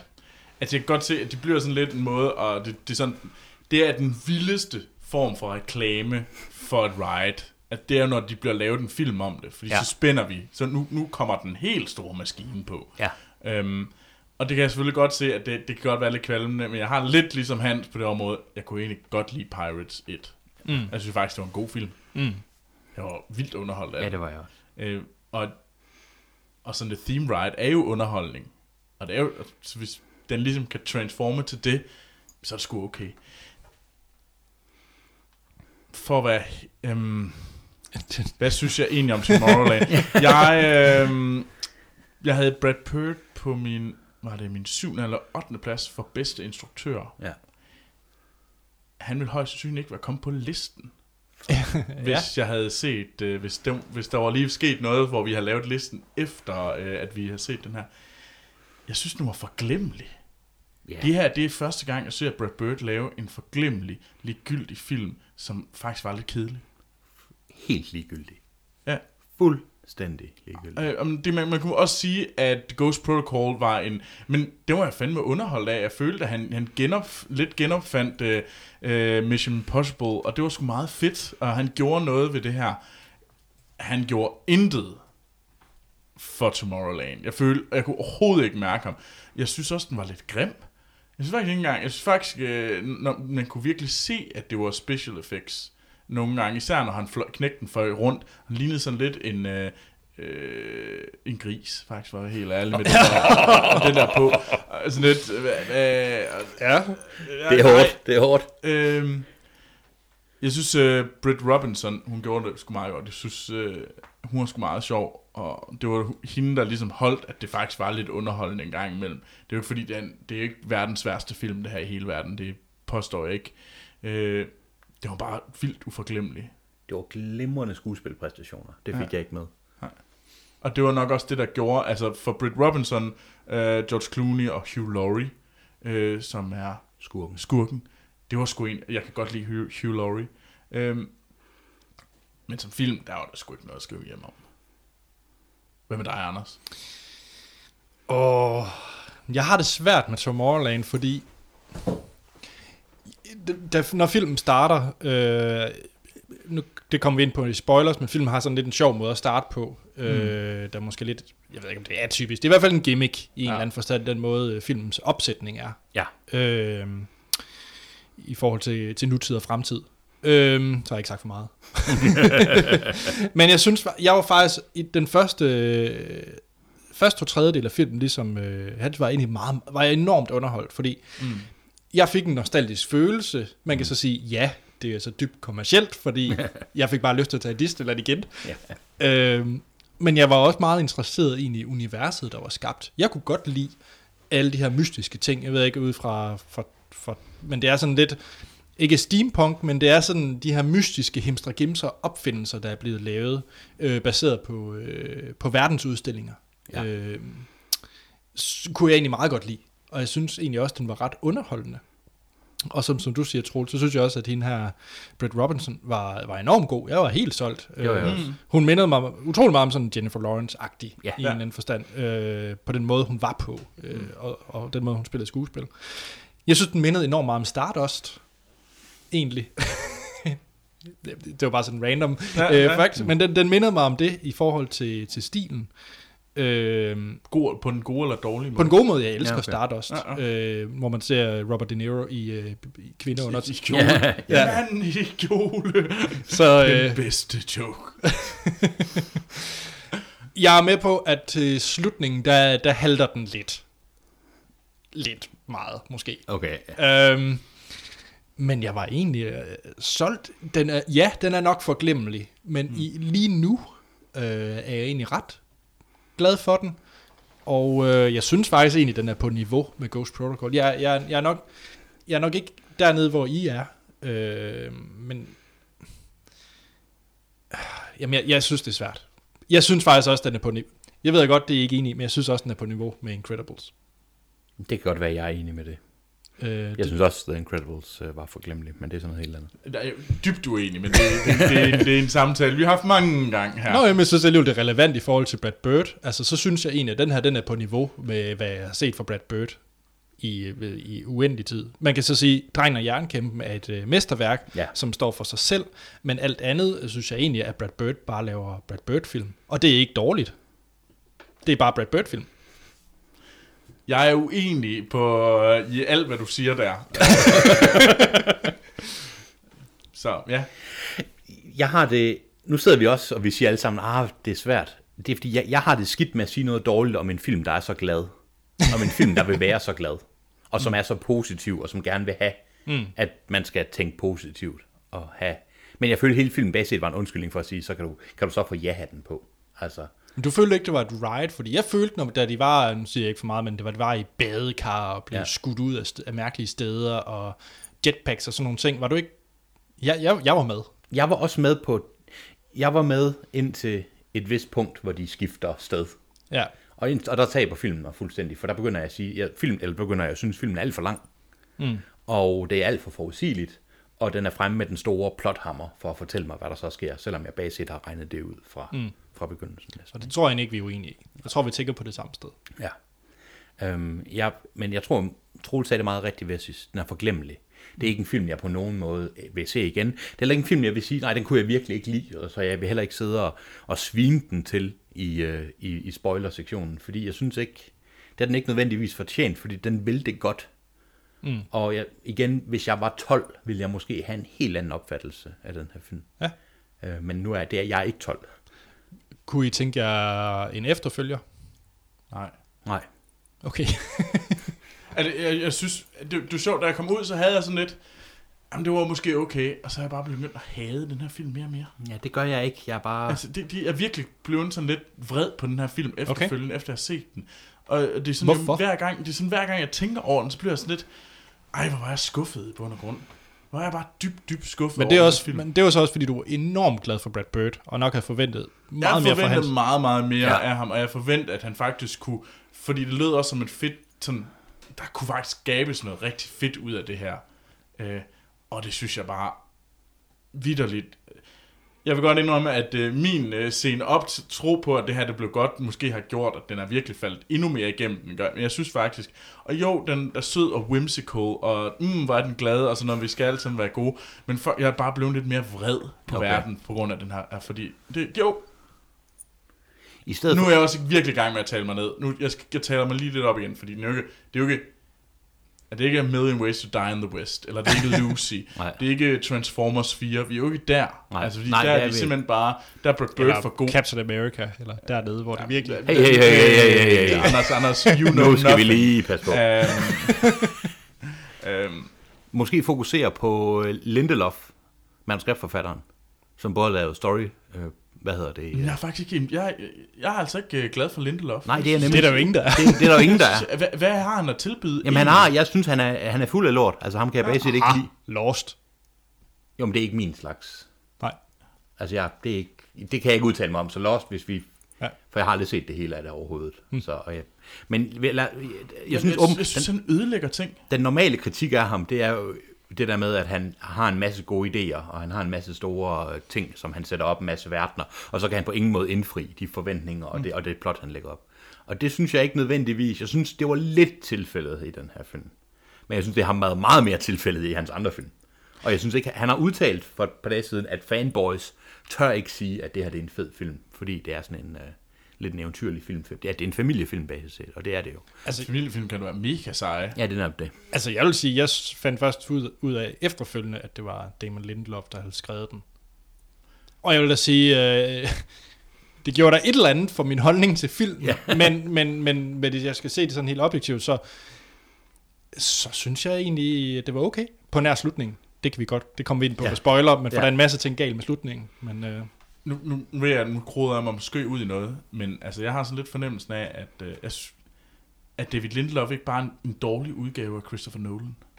Sådan lidt, han vil lidt for meget, han er lidt for klog øh, til sit publikum, øh, men han er bare, øh, altså sådan, uh, prøv at se, hvor smart jeg er, mm, mm, så laver jeg alle de her, og så kaster en masse bolde op i luften, og kan ikke finde ud af at gribe dem. Han har nogle super fede verdener. Han bruger bare ikke de verdener til noget. Nej, og, og så, så taber han, han, men i modsætning til Nolan, der bare er relativt dygtig, øh, så, så Nolan griber de fleste af hans bolde Lindelof griber måske en, og så resten de triller lidt ned ad banken, og så løber, så løber han efter dem og prøver at fange en, og så er der måske en instruktør, der Synes, prøver I er meget redde ham. hårdt lige nu og ved den her film? Abrams, han, han, han, han griber så et par andre af det, og så bliver Vi det sådan nogenlunde, men det er da sådan lidt, næh. Vi er hårde ved Damon Lindelof. Ja, vi men det nu, nu taler vi om Tomorrowland. Om, det er bare for at symbolisere ham. Ja, fordi jeg synes, altså... Så dårlig er filmen, ikke? Så, og det her, Men det er jo ikke... Brad Bird, Brad Bird var der til at gribe Du- de bolde, som Lindelof kastede op og ikke selv kunne gribe. Du mener ikke, at det her det skal Ja, det, det, det er din tese. Det er uden tvivl min til. Jeg sagde også, at jeg var, måske var på dyb vand. Ja, fordi jeg synes ikke, at den her film har så mange bolde op i luften, der ikke bliver grebet. Det synes jeg ikke. Jeg synes, slutningen har det. I Men det kan måske godt være, at det er bare fordi, det er sådan nogle brune bolde, der er sådan lidt uh, poop-agtige. Uh, det er... Hmm, den, den, den, don't touch that. Um, det kan godt være, at filmen ikke har mange bolde, der ikke bliver fanget, men det den har, det er, at den, den lokker dig med mere, end den kan, den, den kan levere. Den, det er som om, den viser dig lige flien, og det kan også være fedt i nogle film. Den viser dig lige flien af andre verdener. Den viser dig flien af noget, der kunne være mere spændende. Um, der var en, der skrev, og jeg ved ikke, om det var på Twitter eller hvad, der skrev, at den her film virkede som en lang trailer for en, for en film, jeg gerne vil se. Og det er jeg faktisk ikke uenig i. Det er, at jeg følte, der var meget mere i den her film, som ikke blev udforsket på nogen måde. Jamen, det kunne have været så Det meget kunne have sejere. været så sejt. Og det Ja. er derfor, I skal glæde jer til toren. Nej, jeg vil, sige, jeg vil gerne se toren til en god film. Ja, Skal vi prøve at give den nogle karakterer? ja lad os. Hans, vil du lægge ud? Hvorfor, hvorfor skal jeg lægge ud? Fordi det, jamen det, okay, jeg har sagt det før gang. Jeg har lyst til at give den 2 ud af 5, Ja. og jeg synes 3 ud af, men det er for lidt, og jeg synes 3 ud af 5, det er for meget. Og vi giver ikke halve Og stjerner. vi giver ikke halve stjerner. Øhm, så, Og vi giver heller ikke store eller små tretaller. nej, det havde jeg heller ikke tænkt mig. Jeg vil bare sige, hvor jeg er henne. Og jeg, jeg synes, filmen fortjener ikke, at jeg giver den 2 ud af 5, så jeg giver den 3 ud af 5. Ja. Jeg giver den meget to. Du giver den meget to. Ja, det synes jeg, det, den skal have to stjerner, fordi den var simpelthen ikke bedre. Nej, det var den nok ikke, men jeg har... Ja, Men nu jeg har kan, godt, jeg kan godt forstå, fordi man har lyst til at give den tre. Man Ja. ja. synes jo, at den, ah, kunne den ikke lige snige sig op? Den var jo okay. Ja. Men, men sådan, jeg bliver sådan, jo mere jeg taler om den her film, jo mere er jeg sikker på, at den skal fandme mig have to. jeg, jeg tror bare, den er jeg, bare ikke mere værd. jeg er blevet blød på mine gamle dage, så Ja, jeg ja. tror, vi kommer samme sted Du er fra. sugarcoated. Du har nej-hatten på, jeg har ja-hatten på. Ja, ja. Ja. Anders, kom så. Nej, men jeg giver den tre. Men Nå. det er der heller ingen diskussion om. Altså, den, det er en træerfilm. Det er en øh, underholdende film, der har en hel del fejl, men øh, jeg vil ikke øh, jeg vil ikke have mig selv og mit liv, hvis jeg blev tvunget til at se den her film igen. Det kunne jeg sagtens. Altså. Altså, jeg vil meget hellere se Bare Maze. Runner. Jeg vil bare kede Igen. mig. Jeg vil bare kede mig. For det gjorde jeg lidt, da jeg så den først. Skal vi øh, runde af? Ja. På den anden side, der er der spoilers. I næste uge, der øh, skal vi anmelde San Andreas med Action Morten. Whoops, det var, så begynder der allerede at jingle. Det er det her nye setup, vi har. Anders, Anders kan ikke håndtere al sin teknik. Nej, IT'en hørte noget med The Rock, og så gik den helt amok. Og jeg glæder mig. Jeg ved godt, at den her film højst sandsynligt bliver lort.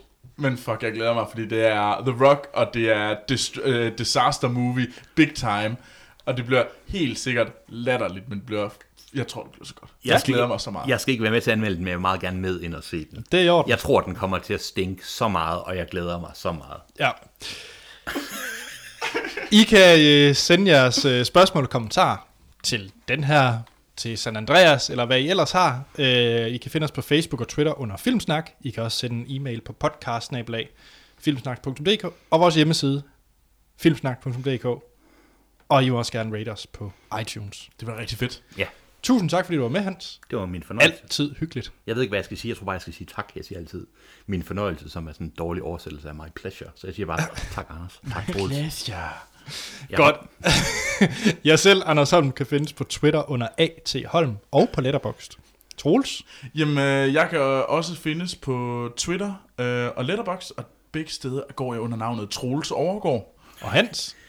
Jamen, ja, altså det er jo efterhånden blevet lidt kliché. Jeg kan ikke findes på Twitter, for jeg er ikke på Twitter, eller jeg har en konto, det bruger jeg ikke. Og Letterboxd har jeg jo svigtet som en, som en trist hore, der burde fortjene mere opmærksomhed. Sådan har jeg det med Letterboxd. Så jeg burde... burde så Altså, det Letterboxd er den triste hore. jeg er ikke... Du, jeg, er, er det dig eller Letterboxd, der er den triste jeg hore? er ikke den triste hore inde på Letterboxd. Og dog måske, min brugernavn er Hans Schmidt Nielsen. Han, jeg tror jeg. Øhm, men, og jeg skal nok gøre noget ved det, men. Jeg har noget, Jeg, jeg, jeg, har jeg, noget- virkelig, jeg ser dig virkelig som... jeg har noget Lego, jeg skal samle. Sådan. Boxes pimp. Så er der ikke andet at sige. Vi lyttes ved i næste episode.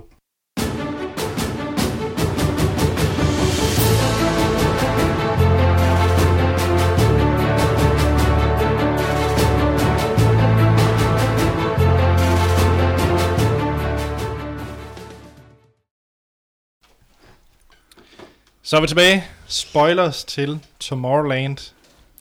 Kort fortalt, så handler det jo om, at George Clooney's karakter, ja, så hvis I ikke har set filmen, så spoilers med stor advarsel. Ja. Øh, George Clooney's karakter følger man som dreng, hvordan han kommer til Tomorrowland. Og det gør han øh, ved hjælp af en, øh, det kan vi også sige nu, en android, en robot, en mm. lille pige, som øh, giver ham, øh, guider ham ind i øh, Tomorrowland. Mm. Og Tomorrowland, det er jo det her øh, fantastiske univers, hvor øh, de Alt er kloge- bedre, og alt er, alle er klogere. og- alle er klogere og har opfundet øh, kun ting, der kan gøre livet og verden meget sjovere og bedre. Så spoler vi fremad, hvor vi så følger øh, Kat Newtons karakter, ja. hvor hun får en af de her emblemer, som giver hende øh, vej ind i Tomorrowland. Hun kan i hvert fald kigge derind. Det, det så viser sig, det er egentlig bare, det er en reklamevideo af for Tomorrowland. Mm-hmm. Hun finder så George Clooney, som er blevet noget ældre og bor på jorden, og øh, sammen så prøver de så at tage til Tomorrowland. De Men- kommer til Tomorrowland. De bliver forfulgt af en masse robotter. de få fuld af en masse robotter, som jeg for øvrigt synes var enormt sjove. Super fed. Og, De øh, er jo meget gode. ja. Og øh, ved hjælp af Eiffeltårnet kommer de så til Tomorrowland. Ved hjælp af en raket. ja. Og Tomorrowland, det er styret af Hugh Laurie's karakter. Og det ser ikke særlig fedt ud. Det er gået lidt i forfald. Det går ja, lidt i det er forfald. lidt trist. Ja, og det øh, handler om, at øh, George Clooney har lavet en algoritme, fordi at øh, jorden vil gå under om 58 dage. Så han Ja, lavede så det er vist sådan noget med, at øh, der er nogen, der for- forudser, at jorden går under. De ved, hvornår jorden går under og sådan noget. Ja, Og ja, vi er så dybt inde i plothul for mig nu ja. her. Jamen så, give it, take it away, Lars. Okay, okay. Filmen hedder Tomorrowland. Ja. Men det her land er vel på ingen måde i fremtiden. Nej. Det er faktisk nu Ja. fra en anden dimension. Ja. Ja. Det her land er åbenbart kun, er det kun åbent for kloge mennesker. Ja. Ja, det er ret uschammerende, synes jeg. Ja, Hvorfor er Tomorrowland holdt op med at virke? Hvorfor var det, det er, som om, de på et tidspunkt sagde, at det er kun for kloge mennesker, men vi har en invitation, så alle kan komme derind. Og så står der, de aflyste festen. Hvorfor aflyste de festen? Var det, fordi verden skal gå under? Ja. Hvorfor holdt de så ikke festen kørende hos dem? Ja, Nej, men det er jo det, Hugh Laurie han kommenterer på. og hvad siger Hvad var han? det? Ja, det har jeg glemt. men han Det kommenterer var på et det. dårlig kommentar, hvis du har glemt den allerede. Det er noget med, også det der med, at grunden til, at Hugh Laurie siger, jamen, jamen så er det fordi, de kan se Tomorrowland ved hjælp af tachyon beams, eller tachyon et eller andet, så kan de se, at jorden går under om 58 dage. Men det viser sig, at det er overhovedet ikke, det er ikke noget, de kan se i fremtiden, det er virkelig deres fremtid, der påvirker jorden til at gå under, fordi vi på jorden, øh, Og det fattede jeg ikke. på jorden, der vi dyrker, det var sådan slet skjult, vi dyrker apokalypsen. Mm. Så vi- med, med Vi, så vi har fået at vide, at øh, apokalypsen kommer, så i stedet for at gøre noget ved det, så dyrker vi den. Vi og så dyrker den, selvom vi ved med global opvarmning, og også med, der var på et tidspunkt, hvor hun kører forbi bussen, hende hovedperson, så ser man en filmplakat for noget, der hedder Toxic et eller andet 3, mm. No End, eller, sådan, eller No Rescue, eller sådan noget, ikke? som også en kommentar til alle de der apokalypsefilm. Og det var det, jeg nævnte med, at filmen er så glad. Og det synes jeg, det var der, den er fremme. Hugh Laurie holder sådan en ene tale til sidst, Ja. Om at mennesket vil ikke reddes, og vi er dømt for dømte og sådan noget. Ikke? ja. Og Var det ikke derfor, at han ikke ville lukke dem ind? Jo, men hvorfor ville han ikke lukke dem ind før? Har de vidst? Hvorfor, altså, George Hvorfor, Clooney... hvorfor, Nej, nej, hvorfor men det er det fordi- alle folkene, der ligesom er derinde? Nej, er de, ligesom, de, vil ikke, øh, de vil ikke lukke dem ind, efter at George Clooney lavede sin algoritme. Og Og, den og, al- og kom med dommedagsuret. Men hvad med alle de folk, der var derinde? Det, det ved jeg så ikke, hvor Er- de er blevet er af. de Hvorfor, blevet hvorfor, der? hvorfor, hvorfor er de faldt hen? Hvorfor er de faldt? Hvorfor er det jo dem, hvis der er nogen, der er på vej til at gå under, så er det der Tomorrowland. Og Hugh Laurie, ja, fordi det ligner sådan en ruin. Hvorfor er det, Hugh Laurie siger, nej, det er ikke min verden, det er jeres verden. Jamen, han kommer vel også fra jorden. Nå, ja, og hvorfor er det? Nej, fordi han er jo ikke Ellis. Nå, men han siger det, er, fordi han drikker en juice hver morgen. Sådan en, En, en not aging juice. ja. Nå. Ligesom fra Jupiter Ascending. Ja. Bare for at lave en fin reference. En fin nobel. Det, det, fra den ene grisfilm til den, den anden. anden. Ah, den er ikke på niveau med Jupiter Ej, det er den ikke. er den Ej, ikke. Jupiter den er dårlig. Det vil, det vil godt Selvom du kan den samme karakter. Den er ikke meget bedre. Men kan, du, men kan du forklare de her ting, Anders? Nu stiller jeg lige dig til regnskab for det her. Ja, nej, det kan jeg ikke. Men det synes jeg egentlig... Men, Jeg kan men, bare- man kan, men jeg ser den her måske også lidt mere som sådan en guilty pleasure film, fordi Ja. Der er der en masse film, som jeg har givet 3 og 4, som har fyldt med plothuller, men så har den bare været underholdende på anden vis. Fordi Mm. jeg benægter ikke, at den her film er fyldt med fejl og, og deciderede plothuller, men derfor kan jeg jo godt lide den. Jeg bliver jo glad alligevel. Og det kan godt være, at jeg- bare er et Okay. easy sell, kan man sige, til den her film. Men jeg var jo underholdt på trods af alt det her. Jeg føler i hvert fald, jeg føler i hvert fald at den... Øhm, ja, det...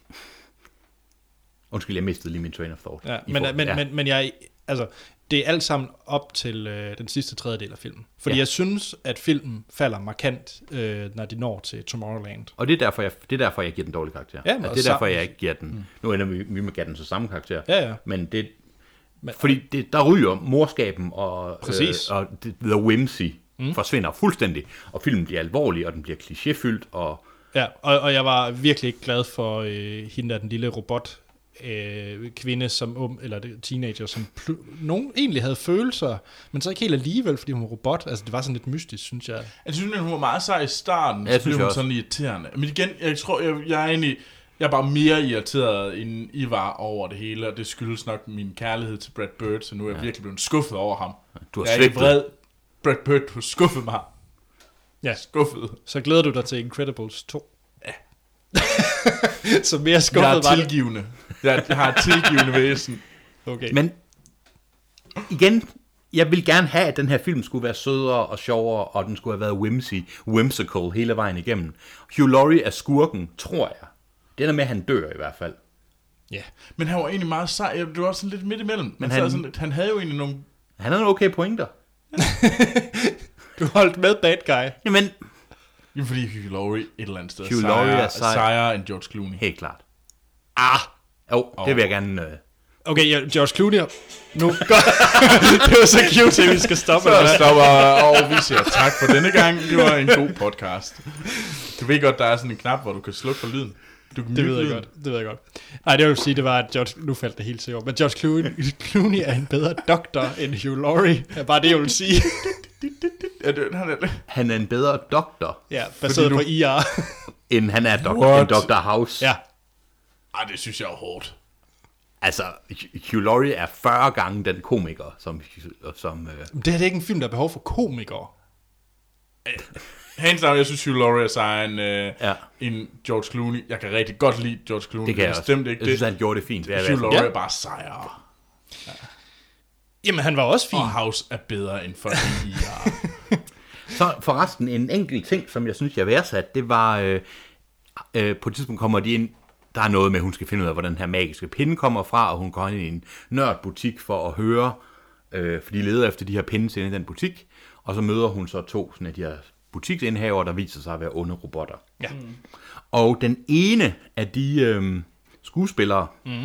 det er halvdelen af den komiske duo Key and Peele mm-hmm. fra USA, og jeg synes, det var fantastisk, at øh, han var med. Det er ham, der hedder... Jeg Man- tror, det er ham, der hedder... Øh, Man, man kan så også sige, at lige den scene, det var så også der, hvor merchandise-maskinen gik på højeste blus Ja. fra Disney. der var Øh, kun der var Disney-ting derinde. Ja, Iron Giant øh, Ja. merch også.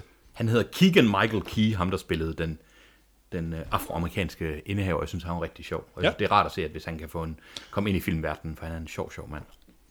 Skal vi øh, runde af med det, med noget positivt?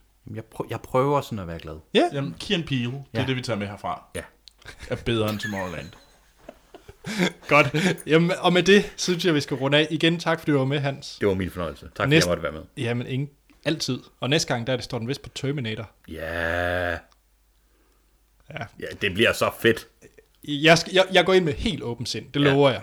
Det lover jeg virkelig. Selv hvis den er rigtig dårlig, så lyver jeg og siger, at den er fantastisk. Godt. Så er der ikke andet at sige, end det er San Andreas i næste uge med Action Morten, så vi lyttes ved i næste episode.